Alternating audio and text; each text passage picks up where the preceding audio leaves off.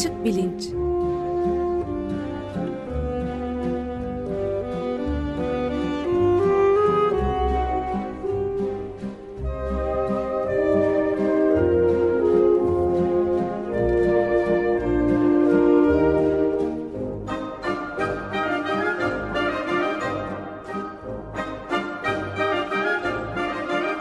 Güven Güzeldere ile bilim ve felsefe sohbetleri. Günaydın Güven Bey, merhabalar. Günaydın Ömer Bey. Günaydın Güven Bey, merhaba. Günaydın Can. Evet, bugün e, psikometriden mi bahsedeceğiz? Evet, e, referandumla ilgili e, konularda konuşmaya devam ediyoruz. E, yeni yılın ilk programında öğrenilmiş çaresizlik üzerinde durmuştuk. O gün bugündür e, hep bir ucundan seçim e, ve seçmen psikolojisine, karar mekanizmalarına, e, algı manipülasyonuna, e, kampanyalardaki psikolojik etkilere e, yönelik bir şeyler e, söylüyoruz ve e, referanduma kadar da böyle devam edecek. Aslında çok da bir şey kalmadı. Yani önümüzde işte yaklaşık e, iki ay var. E, 8-10 program daha yapacağız. E, 16 Nisan'da referandum için oylarımızı vereceğiz. 18 Nisan Salı sabahı burada konuşurken e, evet mi çıktı, hayır mı çıktı biliyor olacağız. Sonuçta bir e, siyaset programı değil, açık bilinç. Dolayısıyla programları hep e, bilimsel çalışmaların ya da felsefi tartışmaların ışığında yapmaya devam ediyoruz. Öyle olacak. Fakat e, bu referandum e, teması e, sürecek e, referandum gününe kadar. Biz geçen hafta Ömer Bey siz yokken Can'la beraber e, yine benzer e, konulardan e, konuları ele almıştık ve e, devrilme noktası ya da kıvılcım anı diye e, çevrilebilecek tipping point denen bir e, fenomenden bahsetmiştik. E, bu devrilme noktası e, toplumsal düzeyde de e, tezahür edebilen bir şey. E, insanlar yetti artık deyip sokaklara çıktıkları zaman e, böyle bir devrilme noktasından bahsetmek mümkün. Ama bizim bahsettiğimiz şey bir insanın kendi zihni içinde olan devrilme noktası. Bir noktada e, dünya görüşü ya da siyasi görüşünün ters yüz olması e, bunun koşulları ve iç dinamikleriydi. E, seçim e, karar mekanizmalarına e, dair pek çok psikolojik etki var. E, iki hafta önce çıpa etkisi diye bir şeyden bahsettik mesela. Hı hı, E, evet. Maruz e, kalma etkisi diye bir şeyden bahsetmiştim. Wire dergisinde bir yazı çıkmış e, bu hafta. E, Illusory Truth Effect diyor. E, yani sanal e, ya da e, yanıl yanılsamacı e, gerçeklik etkisi. Bu da aslında maruz kalma etkisinin bir e, varyasyonu. Aynı şeyi üst üste üst üste üst üste söylerseniz e, özellikle e, kafası başka şeylerle meşgul insanların aklında bu söylediğiniz şey sanki doğruymuş gibi yeteri kadar maruz kalırlarsa e, yer edebilir. E, yazıda da e, Hitler'in e, kavram kitabından bir satır almışlar. Bu tekniği Hitler de iyi biliyormuş ve e, kitabındaki cümlede diyor ki e, sloganları yeteri kadar tekrar edersek e, en son bireyin e, kafasına bile yerleştirebiliriz.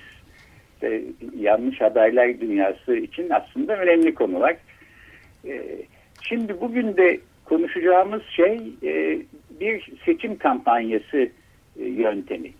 E, psikometri denen bir yöntemle yapılan e, seçim kampanyası ve Cambridge Analytica denen bir şirketin hem Brexit kampanyasında İngiltere'nin Avrupa Birliği'nden çıkması yönünde kullanılan oyların çoğalması hem de Amerika Birleşik Devletleri başkanlık seçiminde Trump'ın kazanması e, yolunda yaptığı çalışmalara değineceğiz.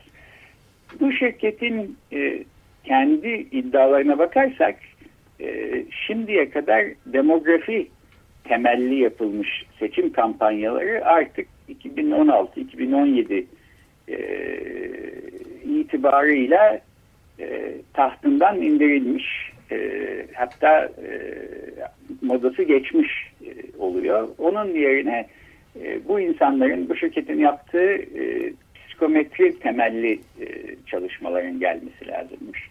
E, şimdi bu ikisi arasındaki farktan biraz bahsedeyim. E, bir de şunu söyleyeyim. E, psikoloji literatüründe psikometri diye bakarsanız aslında parapsikolojinin bir alt kolu olduğunu göreceksiniz.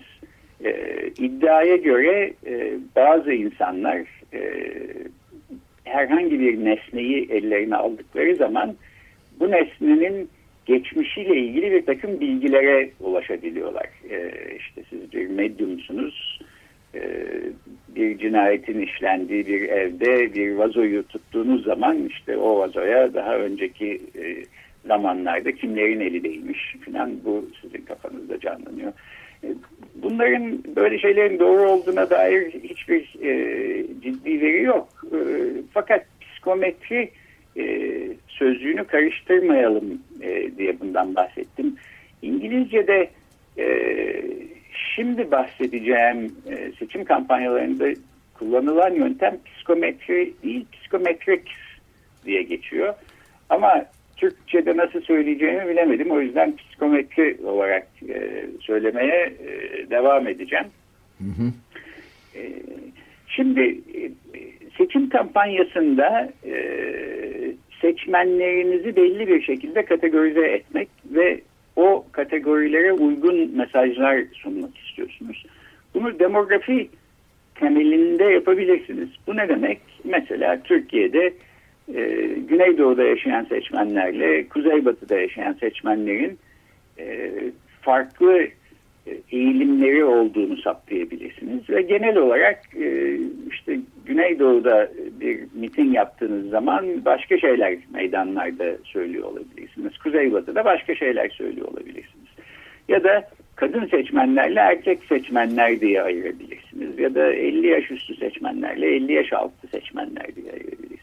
Bu tür istatistikler bazında e, yapılan e, çalışmalar e, demografi yöntemini kullanıyor. E, şimdi demografi yöntemi e, haliyle e, belki belli e, insan gruplarının belli özelliklerini yakalayabilen bir yöntem ama psikometri yöntemi bundan çok daha ince, e, çok daha dar kategorilerde insanı insanları, seçmenleri psikolojik özellikleri üzerinden e, kategorize etmeyi e, amaçlayan bir yöntem. E, yani burada siz e, demografik demografik yöntemle mesela bütün 50 yaş üstü seçmenleri bir kategoriye, 50 yaş altı seçmenleri bir kategoriye koyarken psikometri e, yönteminde e, herkesin tek tek kişilik özelliklerini e, öne çıkartarak e, daha küçük kategoriler oluşturmaya çalışıyorsunuz. E, ve bu kişilik özelliklerinin içinde demografik istatistik verilerin dışında yer alan veriler de yer alıyor. Yani siz mesela içe dönük bir insan mısınız, dışa dönük bir insan mısınız? Dostlarınızla genellikle çalışan, çelişen, çatışan bir kişi misiniz yoksa e, e, rıza göstermeye daha e, eğilimli bir kişi misiniz? E, nörotik bir özelliğiniz mi var? E, kolayca paniğe kapılabiliyor musunuz? Kolay kızabiliyor musunuz? Yoksa daha e, rahat bir e, kişiliğe mi sahipsiniz? Bu tür e, verilerin e, seçmen davranışında önemli olduğu düşünülüyor. E, ve bu Cambridge Analytica şirketi kendi iddialarına göre bu tür verileri ilk kez e, çok geniş anlamda kapsamlı olarak ve çok başarıyla e, kullanıyor ve e, kendi dediklerine bakarsak hem Brexit kampanyasının hem Trump kampanyasının e, başarıya ulaşmasında en büyük pay e, onlara düşüyor. Öyle diyorlar. E, şimdi bu psikometrik denilen e, kategorize etme yöntemi ta 19. yüzyıla kadar aslında giden bir yöntem. E, 20. yüzyılın ortalarında e, epeydir geliştirilmiş. E, yani bir yandan mesela bu e, zeka testi filan gibi şeylerle ilgilenen e, insanlar bir yandan da böyle psikolojik e, kişilik özelliklerine bakarak insanların profilini çıkarma, psikolojik profilini çıkarma ve bu anlamda psikoloji bazında bir matris e, bir e, kategoriler e, ağı e, hazırlama derdindeler.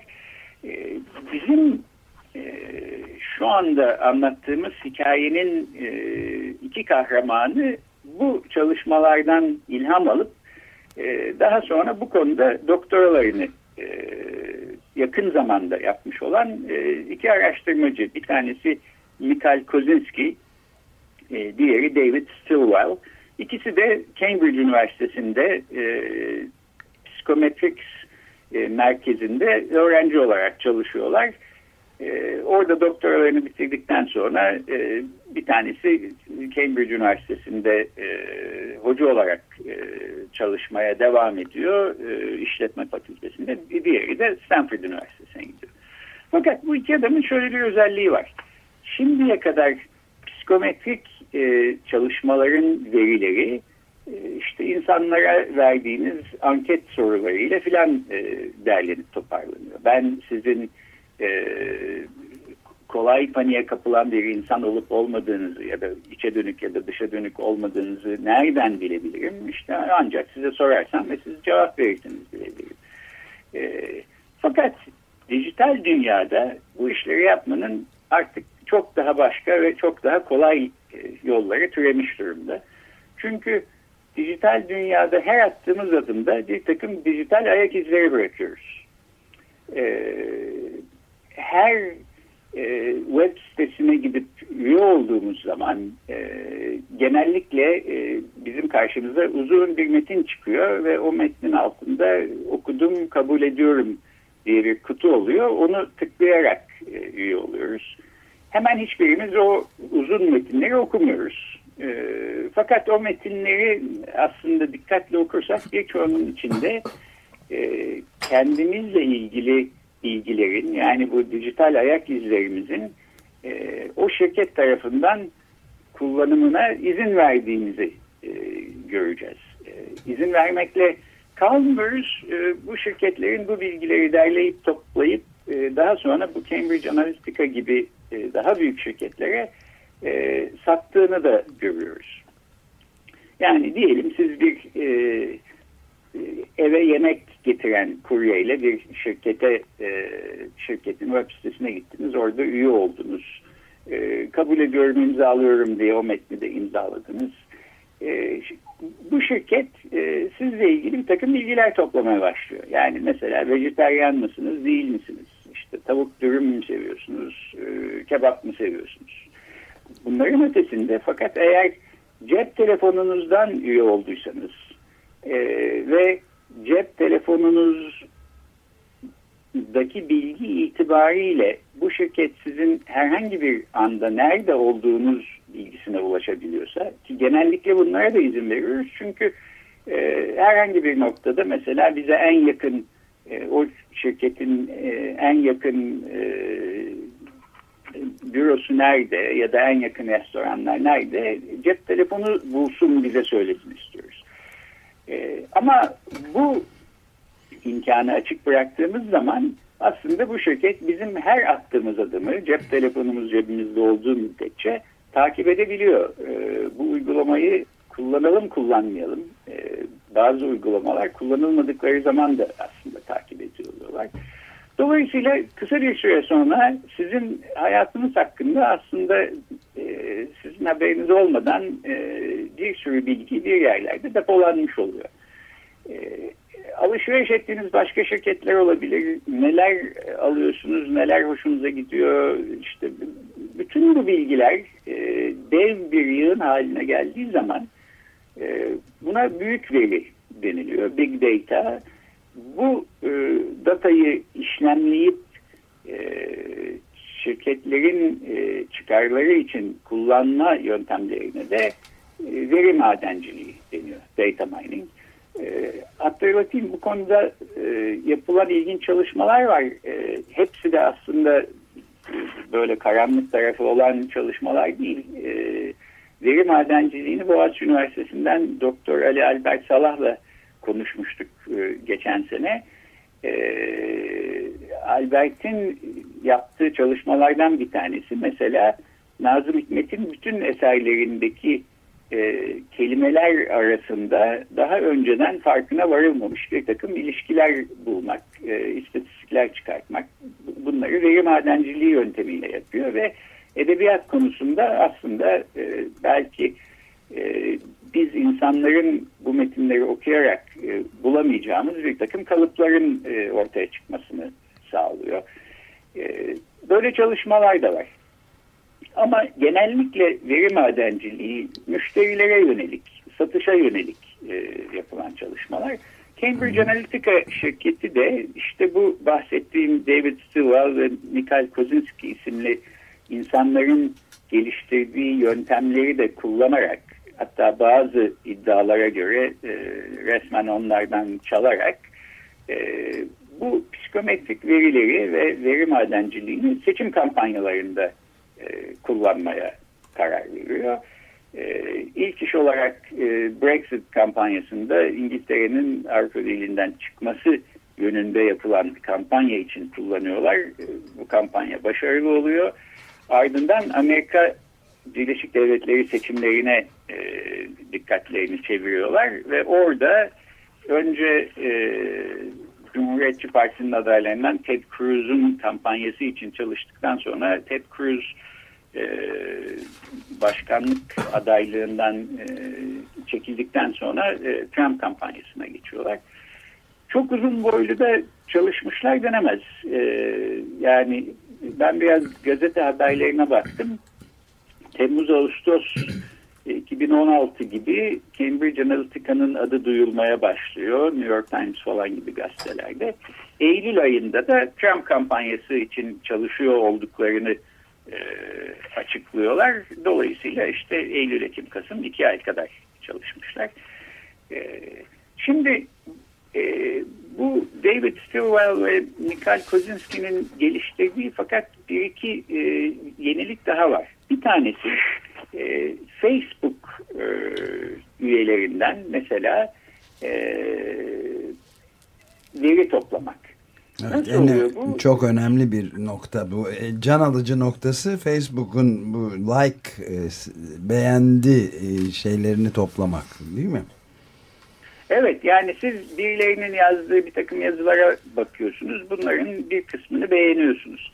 Hangilerini beğendiğinize bakarak ve bu beğendiğiniz yazılar arasında bir araştırma analiz yaparak aslında sizin siyasi görüşünüzle en azından dünya görüşünüzle e, solcu ilerici bir insan mısınız, sağcı muhafazakar birisi misiniz, e, dini inançları kuvvetli birisi misiniz, değil misiniz? E, bütün bunlara yönelik bir e, kişilik analizi, e, kişilik profilleri yaratmayı beceriyorlar. Hatta Daha de, sonra de, kendileri de deri rengini bile yüzde 95'lik bir isabetle kaydı, e, tespit edebiliyorlarmış. Like'lara bakarak sadece inanılmaz bir şey yani cinsi, cinsel evet. eğilimlerini ya da hangi partiye ait olduğunu, zeka seviyesini, dini şeylerini, alkol, sigara alışkanlıklarını, uyuşturucu gibi şeyleri var mı yok mu hepsini çıkarabiliyorlar. Büyük bir e, yüksek bir yüzdeyle de diyor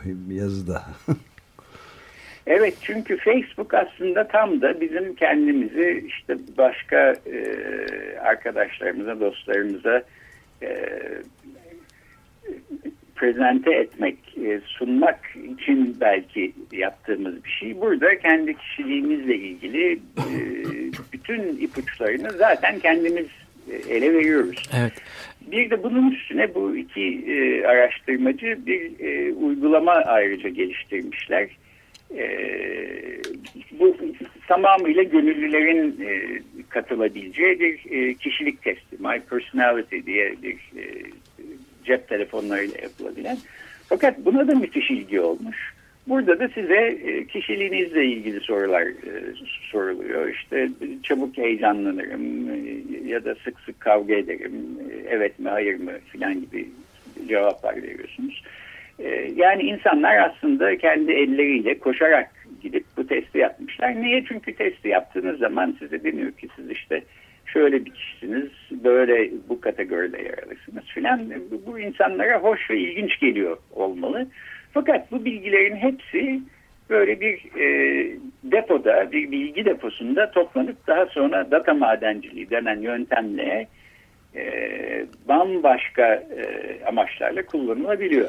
Evet yani araştırmacıları e, bundan e, bunun dışında tuttu sorumluluğun dışında tutmak lazım çünkü onlar gerçekten araştırmalarını yapıp e, çekilmişler yani hiçbir şeyleri yok burada daha, daha, daha e, müdahale durumları yok seçim ya Brexit kampanyasında da şeyde de anladığım kadarıyla Trump'ın Doğru kampanya. hatta benim anladığım kadarıyla Mikhail Kozinski mesela e, bu kampanyaların ikisine de bireysel olarak karşı olan evet. bir adam ve e, bu okuduğumuz e, şimdi aktarmakta olduğumuz makalelerden bir tanesinde ben e, e, bombayı ben yapmadım. Yalnızca böyle bir bombanın olabileceğini gösterdim diyor. Diyor evet. Ee, e, peki bu Cambridge Analytica şirketinden biraz bahsedelim. Bu insanlar kim? Ee, seçim yönetimi ajansıyız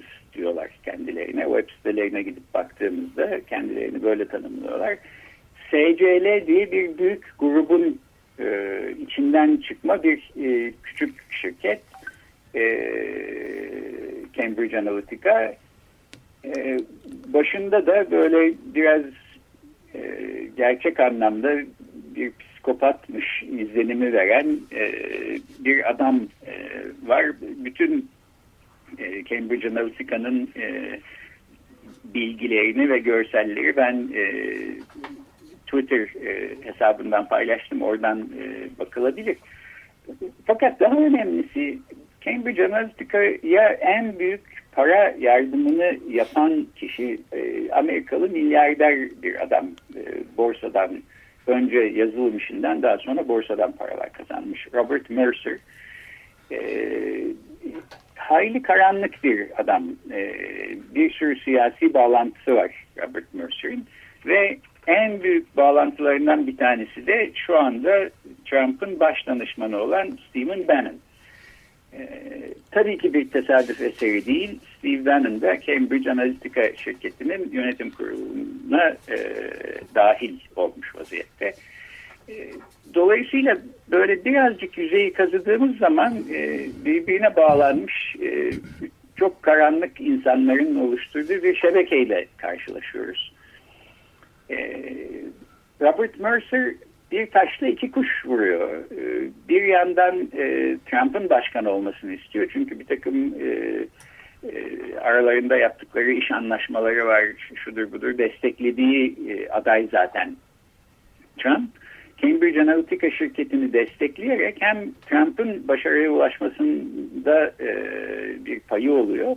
Hem de Cambridge Analytica böyle bir reputasyon kazanmış bir şirket olarak e, şu anda dünyanın her yerinden e, büyük bir e, her yerinde e, büyük bir rağbette olduğu söyleniyor. Büyük ihtimalle e, işte milyar dolarlar kazanan bir şirket haline gelecek. Evet. Trump'tan oradan da Trump'ın olarak para evet. kazanıyor olacak. Trump'ın seçim kampanyasından e, düşük bir şey yani çok kısa bir zaman içinde olmakla beraber çok fazla sayılmayacak bir şey. Yani toplamda 15 milyon dolar bir şey almışlar yani. Bu Nixon şirketi Cambridge Analytica şirketinden bahsediyor. Evet. Yoksa evet. milyarlar kazanacağı ee, muhakkak tabii sonradan. E, dünyanın pek çok ülkesinden çağrılar aldıklarını e, söylüyorlar. Türkiye'den Cambridge Analytica'yı e, fark edip çağırıp e, böyle bir psikometri e, temelli bir kampanya bize de yapın demiş olan bir parti çıkmış mıdır e, bilmiyorum. Herhalde şu saatten sonra yapmak için çok geç olsa gerek referandum için en azından böyle bir parti çıkarsa hangi parti olur tahmin edersiniz diye hiç sormayayım. çok belli herhalde böyle şeylere hangi partinin daha açık ve daha meraklı olduğu. her halükarda Cambridge Analytica diyor ki Clinton kampanyası eski usul demografik yöntemlerle e, gitmeye çalıştı. İşte nedir Amerika'da mesela televizyonlarda e, sürekli bir takım kampanya küçük videoları oynar.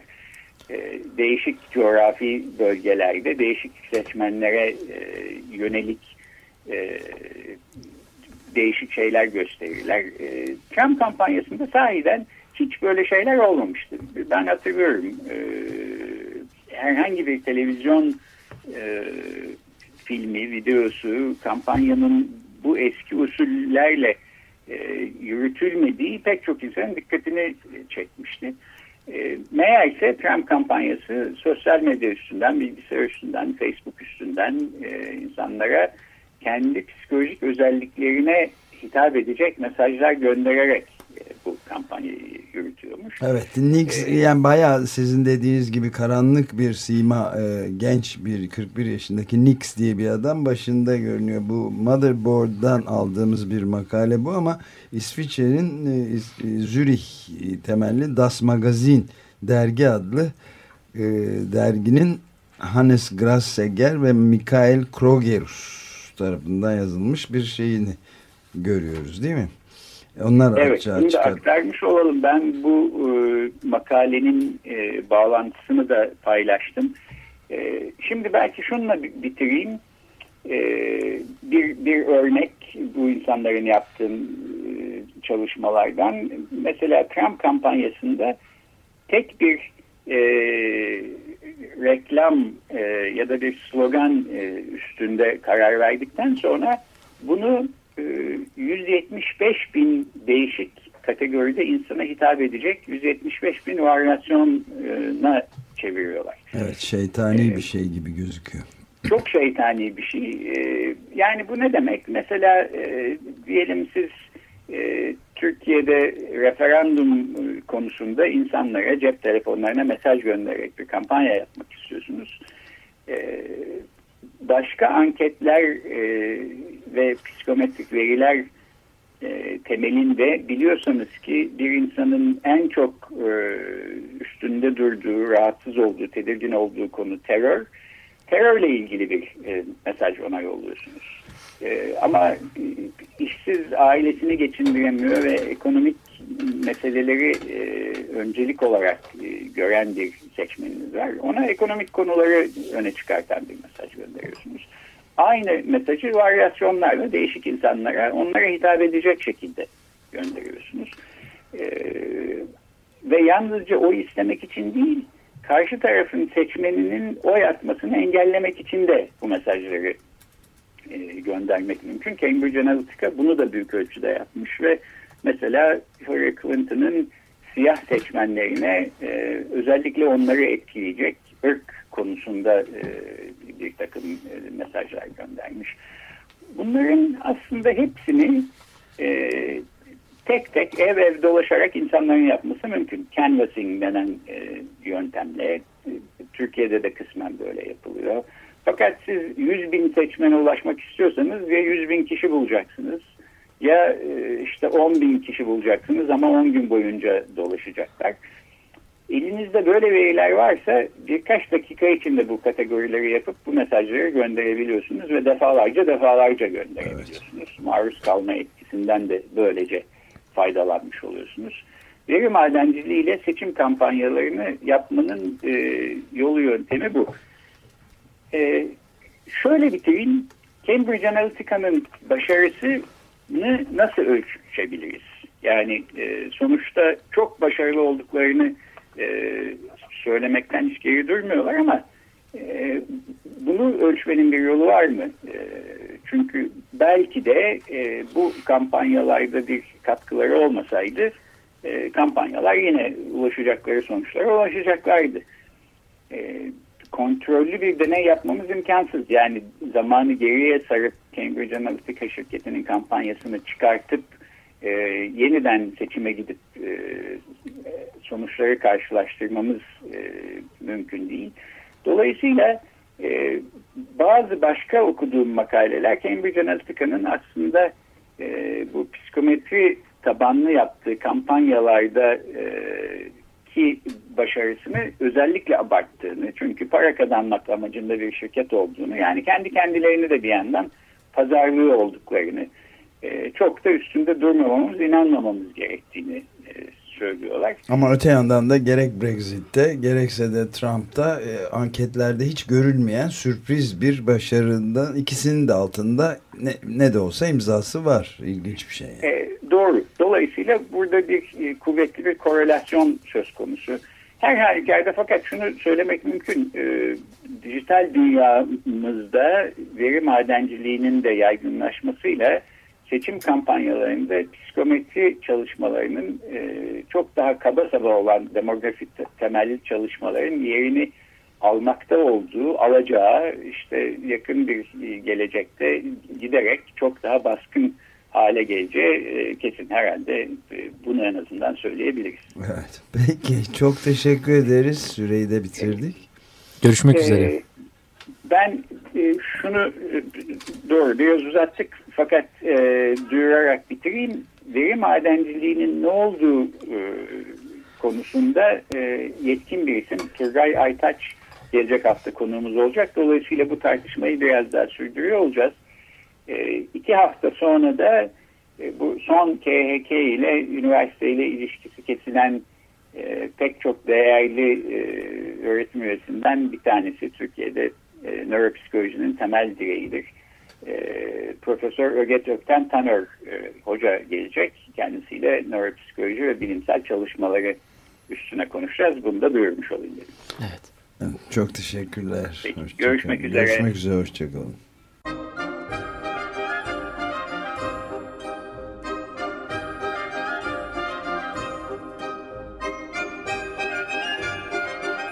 Açık Bilinç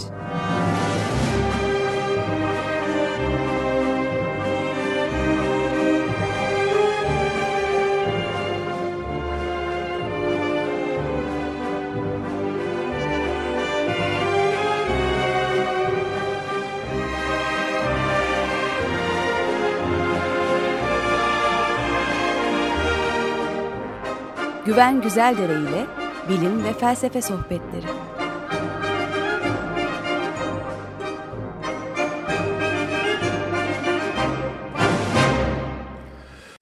Açık Radyo program destekçisi olun.